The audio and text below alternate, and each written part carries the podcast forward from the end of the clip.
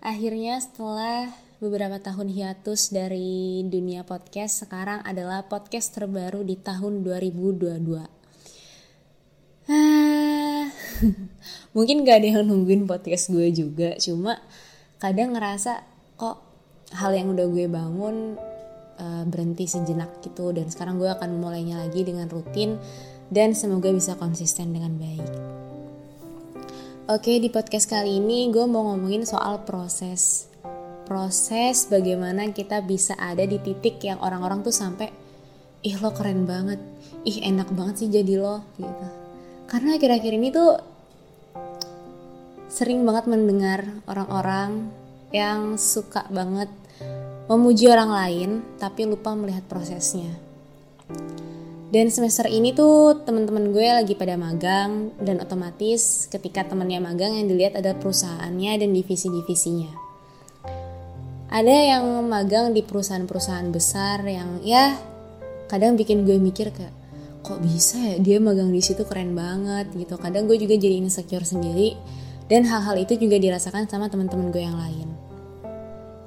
Cuma ketika gue ada di titik yang orang lain tuh sampai insecure sama gue sampai bilang enak banget sih jadi lo kalau bisa sih kayak gini kayak gini?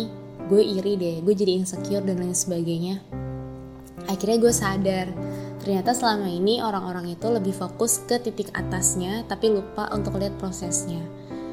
Ya sebenarnya mau kita ada di titik tertinggi pun mau kita magang di perusahaan besar pun itu pasti ada prosesnya pasti ada hal-hal yang dikorbankan, ada hal-hal yang udah kita tata, ada goalsnya, ada langkah-langkahnya, yang hal itu tuh suka nggak dilihat gitu sama orang lain dan mereka menggampangkan hal itu. Padahal kalau misalnya kita mau lihat kesuksesan orang tuh kita harus lihat prosesnya biar kita bisa nyontek.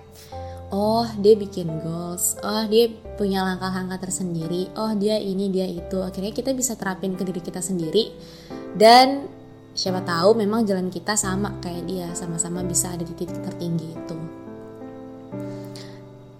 Itu ternyata hal yang penting gitu ketika kita lihat proses karena ketika kita lihat proses orang kita jadinya nggak insecure nggak yang malah minder nggak yang malah ngerasa ah udahlah gue udah ketinggalan gue nggak akan bisa deh kayak dia.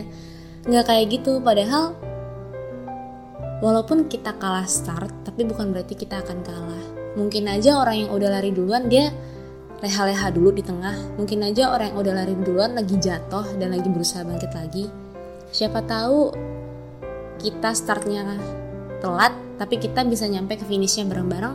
Kan kita nggak pernah ada yang tahu gitu loh. Jadi ya ketika kita mau lihat orang itu hebat jangan lupa juga untuk lihat prosesnya.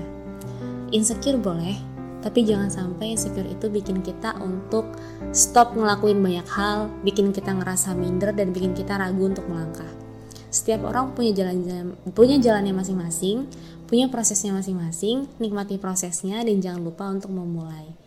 Thank you.